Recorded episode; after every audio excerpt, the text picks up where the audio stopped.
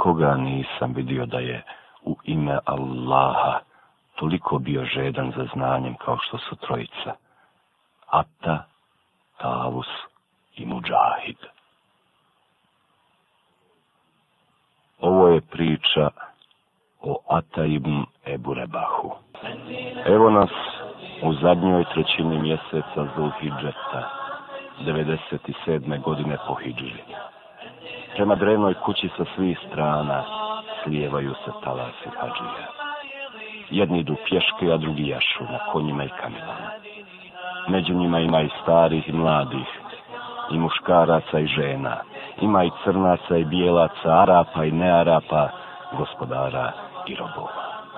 Ali svi dolaze pokoravajući se i odazivajući se gospodaru ljudi, s dubokim mislima i nadom u njegovo prostor. Među njima je i Sulejman ibn Abdul Melik, muslimanski halifa i najveći od svih vladara na zemlji. Oko drevne kuće obilazi gologlav i bosih nogu. Na njemu nema ništa drugo do dva i hrama, dva komada bijelog platna. Ni po čemu se ne razlikuje od svojih podanika, braće u vjeri u jednog Allaha. Iza njega su i njegova dva sina, dva dječaka vedra i blistava, kao dva puna mjeseca i dva nježna i mirisna pukuljka ruže. Tek što je završio ta vas, okreće se prema jednom čovjeku iz pratnje i pita Gdje je vaš prijatelj? Enoga klanja odgovori, pokazujući rukom prema zapadnom dijelu Harim Šarifa. Na to se halifa sa svoja dva sinčića uputi prema mjestu mu je ovaj pokazao. Posluga htjede krenuti sa njima da ih proprati, da napravi im prolaz kroz gužu i pripazi, ali joj on naredi da se vrati rekavši. Ne, na ovome mjestu jednaki su i vladari robovi. Ovdje niko ni nad kim nema prednost osim u pobožnosti i bogobojaznosti. Možda će nekom zapuštenom i prašnjavom čovjeku koji se iz dalekog mjesta odazvao i došao Allaha radi, prije biti primljeno nego vladaru. Zatim je otišao, potražio čovjeka i našao ga kako još uvijek klanja, ostajući dugo na ruku i sečdi. Sa svih strana oko njega pozadi, s desna i s lijeva, sjedili su ljudi i on je sio na kraj kružoka. Dao je znak da sjednu i njegova dva sinčića. Dva dječaka Kureiševića pogledom traže čovjeka kome je vladar pravovjernih došao na noge. Sjeo sa ostalim svijetom i sada čeka da završi namaz. A ono starac, abesinac, crne puti, kovrđave kose i spljoštena nosa – koji kada sjede podsjeća na crnog gavrana. أخليت قلبي من سواك وملأت قلبي من هداك أخليت Kada je čovjek klanjao, rukom je pokazao na stranu na kojoj je sjedio halifa, pa ga je Sulejman ibn Abdul Melik pozdravio, a ovaj mu uzvratio. Na toga je halifa počeo pitati od jednom po jednom obredu hadža, a ovaj mu stao na svako pitanje detaljno odgovarati. Toliko detaljno da mu nije trebalo postavljati nikakva potpitanja. I to sve pozivajući se na poslanikove salallahu alaihi veselem riječi. Kada je dobio odgovor na sve što je pitao, halifa mu se zahvalio. Zamolio Allaha da ga nagradi i svojim sinčićima rekao. Hajdemo, ustajte. Odatle su mi trojica krenuli prema Safi i Mervi, da obave saj. Dok su išli prema Safi Mervi, dječaci su čuli kako telali pozivaju i objavljuju. O, muslimanski skupe, na ovome mjestu svijetu će fetve davati samo Ata ibn Ebu Rebah, a ako njega nema, onda Abdullah ibn Ebu Neđih. Jedan od dječaka okrenuo se prema ocu i upitao kako namjesnik vladara pravovjernih od svijeta može tražiti da se za pitanja o hadžu obraćaju jedino Ata ibn Ebu Rebahu i njegovu prijatelju. Kako? Kada smo na noge otišli tome čovjeku da se raspitamo o obredima hadža, a on prema halifi nije pokazao dužno poštovanje. Na to je Suleiman svojim sinovim rekao. Sinko, vidjeli ste što ste vidjeli. Vidjeli ste kolika je naša poniznost pred tim čovjekom, a taj Ibn Ebu Rebah je taj koji u Harem i Šerifu svijetu odgovara na postavljena pitanja. Veliku zaslugu u tome ima i Abdullah ibn Abbas. Zatim se okrenuo i rekao, Sinko, posvetite se znanju, jer znanje čovjeka sa niskog uzdiže na visok položaj, razbuđuje tromog i sa položaja roba diže na položaj vladara. I doista, Suleiman ibn Abdulmelik nije nimalo pretjerao u onome što je u vezi sa znanjem rekao svojim sinovima. Ata ibn Ebu Rebah je u mladosti bio rob jedne žene u Mekki. Ali uzvišeni Allah je ovog abesinskog dječaka još od djetinstva počastio time da je krenuo putem sticanja znanja, tako da je svoje vrijeme podijelio na tri dijela. Jedan je dio posvetio svoje vlasnici, služeći je i ispunjavajući svoje dužnosti prema njoj, kako najbolje može biti. Drugi dio je posvetio svome gospodaru, iskreno se predajući badetu i izvršavajući svoje dužnosti prema uzvišenom Allahu, kako najbolje može biti. Treći dio je posvetio posvetio sticanju znanja, družeći se sa preostalim drugovima Allahova poslanika, salallahu alaihi veselem, napajajući se tako znanjem sa njegovog bistrog vrela.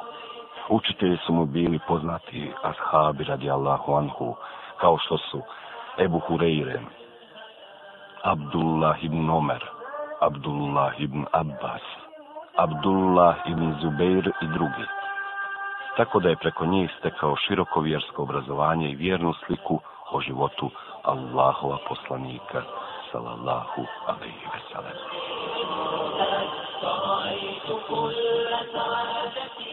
Uvidjevši da je dječak svoj život potpuno posvetio Allahu i traženju znanja, ova plemenita žena iz Mekke odrekla se svoga prava na njega, i u ime Allaha ga oslobodila u nadi da će mu Allah pomoći da bude od koristi islamu i muslimanima. Od toga dana ta Ibn Ebu Rebah je mjesto pored Kabe uzeo sebi za prebivalište, kao kuću gdje će stanovati, školu u kojoj će učiti i mjesto gdje će klanjati kroz ibadet i bogobojaznost se Allahu približavati. Tako da su historičari zabilježili. Harem Šerif je blizu 20 godina bio mjesto gdje je spavao Ataib Ebu Rebah. Ugledni tabin Ataib Ebu Rebah ubrzo će postići visok stepen znanja koji će prevazići sa očekivanja. On će se popeti na tako visok položaj na kakav se popeo samo mali broj njegovih savremenika. U tom smislu se pripovjeda da je Abdullah ibn Omer radijallahu anhu jedne godine u Mekki predvodio ljude na umri i da ga je svijet počeo zasipati pitanjima, tražeći od njega odgovore, pa je rekao O Mekkelije, ja vam se doista čudim da ste mene obasuli tolikim pitanjima, kada je među vama Ata ibn Ebu Reba. الحياه Ata ibn Ebu Rebah postigao je tako visok stepen u vjeri i znanju zahvaljujući svojim dvijema osobinama. Prvo, što se podvrgao strogoj samokontroli, ne dopuštajući sebi upuštanje u uživanja od kojih na kraju nema nikakve koristi. I drugo, što je strogo vodio računa o svome vremenu i što ga nije tratio u besposlice. U jednom razgovoru sa svojim posjetiocima Muhammed ibn Suka je rekao, Hoćete li da čujete jedan hadis koji će vam možda mnogo koristiti u životu kao što je i meni koristio? Hoćemo, odgovorili su. Jednoga dana, rekao je, Ata ibn Ebu Rebah mi je dao savjet riječima. Sine brata moga, oni koji su bili prije nas nisu voljeli radoznalost i besposlice. A šta su oni smatrali besposlicom, upitao se. Sve, što nije bilo vezano za učenje i razmišljanje o Allahovoj knjizi. Držali su besposlicu, odgovorio je i dodao. I za riječi Allahova poslanika, salallahu alaihi veselem, koje se moraju prenositi i ispravno razumijevati. Traženje da se čini dobro i odvraća od zla. Znanje kojim se nastoji približiti uzvišenom Allahu, te za najosnovnije životne potrebe bez kojih se ne može zar ste zaboravili na riječi uzvišenog? Da nad vama bio čuvari, kod nas cijenjeni pisari. I da su sa svakim od vas neprekino dva meleka, jedan s desne, a drugi s lijeve strane. I da ne izusti ni jednu riječ, a da pored njega nije prisutan onaj koji bdije. Zatim se zapitao, Ima li iko od nas da bi se zastidio kada bi mu se ujutro otvorila knjiga njegovih zapisanih dijela, pa vidio da gotovo ništa nije privrijedio ni za svoju vjeru, ni za ovaj svijet. Znanjem kojim je vladao Ata ibn Ebu Rebah, uz Allahu pomoć, okoristili su se mnogi, kako oni koji su se posvetili znanju, tako i zanatlije i drugi osim njih. Tako je govoreći o sebi, imam Ebu Hanife Numan jednom prilikom rekao. Pogriješio sam u pet stvari prilikom obavljanja hađskih propisa u Mekki. Pa me je ispravio i podučio Berber. Prvo sam htio obrijati glavu kako bih skinuo ih rame, pa sam došao Berberu i upitao. Pošto ćeš mi obrijati glavu? A on mi na to odgovori. Allah te uputio kad je ibadet u pitanju, onda nema uslovljavanja. Sjedi i daj koliko imaš. Postidio sam se i sjeo, ali se nisam bio okrenuo prema kibli, pa mi je pokazao da se okrenem prema kibli. Okrenuo sam se još se više postidio. Zatim sam prvo bio okrenuo lijevu stranu za sišišanje, pa mi je rekao. Okreni desnu stranu, pa sam ju okrenuo. Kada me je počeo šišati, ja sam šutio i divio se kako me vješto šiša, pa me je upitao. Zašto šutiš? Zašto ne učiš tekbire? Izgovaraj Allahu Ekber. Pa sam počeo izgovarati tekbire i nastavio ih izgovarati sve dok nisam krenuo. Kada sam htio da krenem, upitao me, kuda ideš? Idem kuće, odgovorio sam, pa mi rekao, prvo klanjaj dva rekata, pa onda idi kuda god hoćeš. Kada sam klanjao dva rekata, pomislio sam, mora da je ovaj berber učen čovjek, pa sam ga upitao. Od koga si tako detaljno naučio o dužnostima hađa, pa si i od mene zatražio da ih obavim kako treba? O Allahov robe, čuj od koga odgovorio je. Vidio sam Ata ibn Ebu Rebaha kako ih obavlja, pa sam od njega naučio i druge na njega upućivao. I ne samo to. Ata ibn Ebu Rebah imao je priliku da se u izobilju domogne i ovo svjetskih blagodati i bogatstava, ali ih je izbjegavao i uporno odbijao, toliko da cijel život nije obukao košulju skuplju od pet dirhema. Halife su ga pozivale u svoje društvo, ali je njihove pozive uporno odbijao iz straha da mu ovaj svijet ne pokvari vjeru. Ipak, odlazio je i kod njih ukoliko bi u tome vidio kakvu dobrobit za muslimane i opću korist za islam. U tom smislu, Osman ibn Ata el Horasani pripovjeda. Krenuo sam sa svojim ocem sa namjerom da pokušamo doći do Hišama ibn Abdul Melika. U blizini Damaska sustigli smo jednog starca u bijeloj košulji od grubog platna, u pohabanom ogrtaču, sliječenom kapom na glavi i drvenim uzengijama na crnom magacu, koga je jahao. Nasmijao sam mu se i upitao, oče, ko je ovaj čovjek? Šuti, odgovorio To je najpoznatiji učenjak fikha u cijelom Hidžazu, Ata ibn Burebah. Kada nam je prišao, Moj otac je sjahao sa mazge na koje je jahao, a on sa magarca, pa su se zagrlili i počeli se raspetivati za zdravlje. Zatim su ponovo uzjehali, pa smo zajedno nastavili put sve do pred vrata Hišama ibn Abdumelikova dvorca. Samo što su sjeli, bili su pozvani da uđemo. Kada je moj otac izašao, upitao sam ga. Ispričaj mi kako su vas primili, pa mi je rekao. Čim je Hišam čuo da je Ata ibn Rebu Rebah pred vratima, odmah je naredio da ga puste da uđe. Tako mi Allaha, ušao sam samo zahvaljujući njemu. Kada ga je Hišam ugledao, rekao je, O, dobro došao, izvoli ovuda.